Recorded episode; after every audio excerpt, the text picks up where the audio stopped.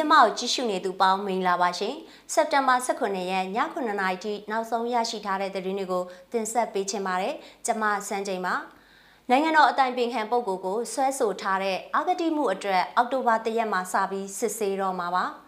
မော်ဘီကစစ်တနက်ပစ်ကွင်းပြန်လေ့ကျင့်တယ်လို့သိရပါတယ်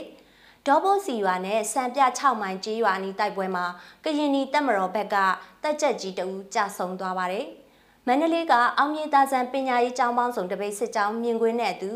ဂျကာတာမြို့လေထူးညှဉ်းညမ်းမှုဖြည့်ရှင်းပေးဖို့အင်ဒိုနီးရှားသမ္မတကိုတရားရုံးကညွှန်ကြားတဲ့သတင်းတွေကိုတင်ဆက်ပေးမှာပါ။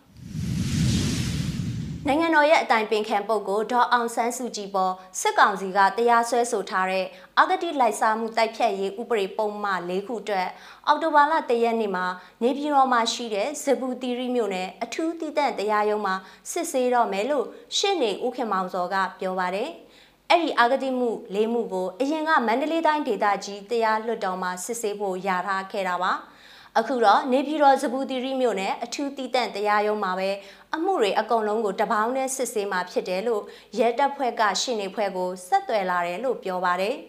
ဒီအမှုတွေအတွက်ရှင်းနေအဖွဲ့ဝင်9ဦးကလိုက်ပါဆောင်ရွက်သွားမှာဖြစ်တယ်လို့ရှင်းနေဦးခင်မောင်စော်ကပြောပါတယ်။ ဒါအပြင်ရန်ကုန်အရှိပိုင်းခရိုင်တရားရုံးမှာဆွဲဆိုထားတဲ့နိုင်ငံတော်လျှို့ဝှက်အဥပဒေပုံမှန်တစ်ခုကိုလည်းနေပြည်တော်အထူးတည်တံ့တရားရုံးမှာပဲစစ်ဆေးမှာဖြစ်ပါတယ်။နိုင်ငံတော်ရဲ့အတိုင်ပင်ခံပုဂ္ဂိုလ်ဒေါ်အောင်ဆန်းစုကြည်တဦးတဲ့အပေါ်အဂတိလိုက်စားမှုတိုက်ဖြတ်ရေးဥပဒေပုံမှန်နဲ့နှစ်မှုသူအပါဝင်ဒေါက်တာမျိုးအောင် ဦးရဲမင်းဦးဦးမင်းသူတို့ကိုအဂတိမှုတမှုနောက်ထပ်ဒေါ်အောင်ဆန်းစုကြည်အပါအဝင်အမိမတိရသေးတဲ့၃ဦးတို့ကိုအဂတိမှုတမှုတို့နဲ့တရားစွဲဆိုထားရာဒေါ်အောင်ဆန်းစုကြည်တဦးတဲ့အနေနဲ့အဂတိမှု၄မှုနဲ့ရင်ဆိုင်နေရတာဖြစ်ပါတယ်ရှင်စစ်အာဏာသိမ်းပြီးတဲ့ကပိတ်ထားခဲ့တဲ့မှော်ဘီမြို့နယ်စစ်ကောင်စီတပ်တနက်ပစ်ကွင်းမှာမနေ့ကစပြီးပြန်ဖွင့်နေပြီဖြစ်ပြီးတော့လေ့ကျင့်မှုတွေလည်းပြန်စနေပြီလို့အနီးနားကဒေတာခန်တွေကပြောပါတယ်။ မော်ဘီအမျိုးသမီးဘိုလောင်လေ့ကျင့်ရေးတင်တန်းကျောင်းနားမှာရှိတဲ့အဲ့ဒီတနက်ပစ်ကွင်းမှာ COVID-19 အခြေအနေနဲ့အာဏာသိမ်းမှုအခြေအနေတွေကြောင့်9လကျော်ပိတ်ထားခဲ့ရတဲ့စစ်တပ်လေ့ကျင့်ကွင်းဖြစ်ပါတယ်။မော်ဘီတနက်ပစ်ကွင်းမှာမော်ဘီမြို့နယ်မှာရှိတဲ့ခြေလျင်သက်လေချောင်းရံကာကွယ်ရေးတပ်နှစ်တပ်နဲ့တန်ချက်ကတပ်တို့လေ့ကျင့်လေးရှိပါတယ်။အတန်မကြားတာကြပါပြီ။အာနာသိမ့်ပြီးတဲ့ကမနေ့ကမှစပြီးကြားတာ ကြားကြားချင်းတနတ်တွေဘုံတွေနဲ့တိုက်နေတာမှတ်လို့မကြားတာကြတော့မေ့နေတာလို့ဒေသခံတဦးကပြောပြတာဖြစ်ပါတယ်ရှင်ကရင်ပြည်နယ်လွိုင်ကော်မြို့နယ်အနီးဒေါပိုးစီရွာနဲ့စံပြ6မိုင်ကျေးရွာဒေသတဝိုက်ဖြစ်ပွားခဲ့တဲ့တိုက်ပွဲတွေမှာကရင်နီတပ်မတော် KA ဘက်ကတက်ကြက်ကြီးတဦးကြဆုံသွားတယ်လို့ကရင်နီသတင်းအချက်လက်စင်တာ KNIC မှာဖော်ပြထားပါတယ်။ မနေ့ကည9နာရီလောက်ကစပြီးတနာရီဝန်းကျင်ကြာခရင်နီတပ်မတော် KA KNDF တို့ပူးပေါင်းတပ်ဖွဲ့နဲ့အကြမ်းဖက်စစ်ကောင်စီတပ်တွေတိုက်ပွဲဖြစ်ပွားခဲ့တာပါအဲ့ဒီတိုက်ပွဲအတွင်းမှာ KA ဘက်ကတက်ကြက်ကြီးနားတဲ့ AD ဟာလက်နက်ကြီးထိမှန်ခဲ့ပါတယ်။ဒဏ်ရာကိုတော်ရင်စေကန်းတနေရာမှာကုသနေစဉ်မှာပဲတေဆုံးခဲ့ရတာပါ။ တိုက်ပွဲတွင်စစ်အုပ်စုဘက်က၄ဦးသေဆုံးတယ်လို့လည်း KNDF ကထုတ်ပြန်ခဲ့ပါတယ်။ဒါ့အပြင်တိုက်ပွဲဖြစ်ပွားရာဒီမော့ဆိုမြို့နယ်ဒေါ်ပိုးစီရွာစံပြ6မိုင်ကျေးရွာနဲ့ဖရူဆိုမြို့နယ်တဲကကရာလာကျေးရွာနဲ့လွိုင်ကောဒီမော့ဆိုဖရူဆိုလန်တလျှောက်မှာညနေ6နာရီကနေမနက်6နာရီတွင်ဖြတ်တန်းသွားလာခြင်းမပြုဖို့လဲ KNDF ကအသိပေးထုတ်ပြန်ထားပါတယ်ရှင်။ ဒီနေ့မန္တလေးမြို့မှာစစ်အာဏာရှင်ကိုတော်လန်ဆန္ဒပြခဲ့တဲ့အောင်မြေသာဆန်ပညာရေးကျောင်းပေါင်းစုံတပိတ်စစ်ကြောင်းမြင်ကွင်းကိုလည်းဖွင့်ပြပေးချင်ပါတယ်။ပြန်ပဲဒီသူအာဏာဒီသူပြန်ပဲဒီလူရဲ့ရည်ရလိုက်ရည်ရလိုက်ရည်ရလိုက်ဒီလူရဲ့ရည်ရလိုက်ရည်ရလိုက်ရည်ရလိုက်ဘာဘာဘာဘာ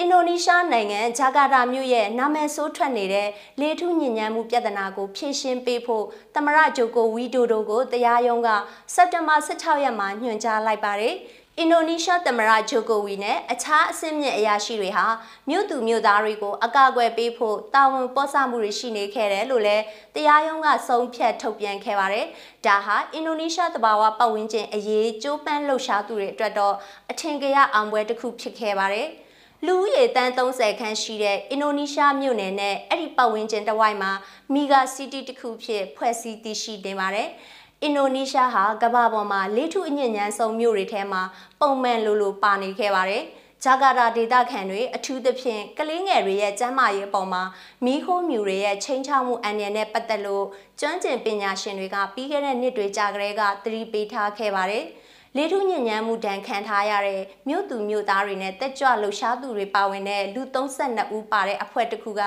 ပြီးခဲ့တဲ့နှစ်နှစ်အကြာကတရားစွဲဆိုမှုတစ်ခုပြုလုပ်ထားခဲ့ပြီးသမရဂျိုကိုဝီနဲ့အစိုးရအဖွဲ့က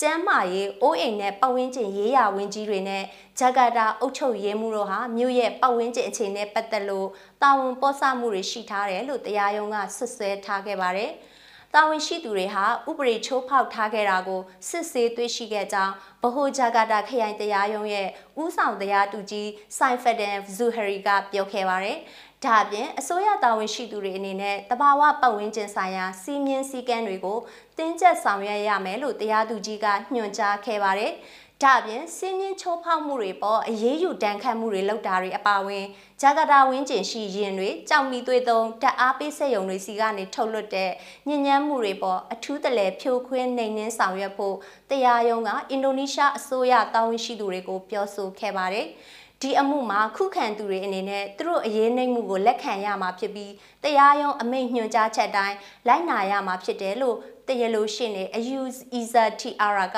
ပြောခဲ့ပါတယ် ဒီကိစ္စနဲ့ပတ်သက်လို့သမရဝီဒိုဒိုအပါဝင်တရားရုံးကထုတ်ဖော်ခဲ့တဲ့တခြားအစိုးရအရာရှိတွေဘက်ကတစုံတရာတုံ့ပြန်တာမျိုးမရှိသေးပါဘူး။နေအိမ်အဆောက်အုံအပြင်ဘက်လဟာပြင်လေထုညဉ့်ညမ်းမှုကြောင့်ကမ္ဘာသဝန်းခံမှန်းခြေလူပေါင်း၄တသမ2တန်းခန့်အချိန်မတိုင်မီသေဆုံးခဲ့ရပြီးအင်ဒိုနီးရှားလိုမျိုးဝင်းငွေအလဲအလတ်နိုင်ငံတွေဟာထိခိုက်မှုအရှိဆုံးဖြစ်ကြောင်းကမ္ဘာ့ကျန်းမာရေးအဖွဲ့ကြီးကဖော်ထုတ်ခဲ့ပါတယ်ရှင်။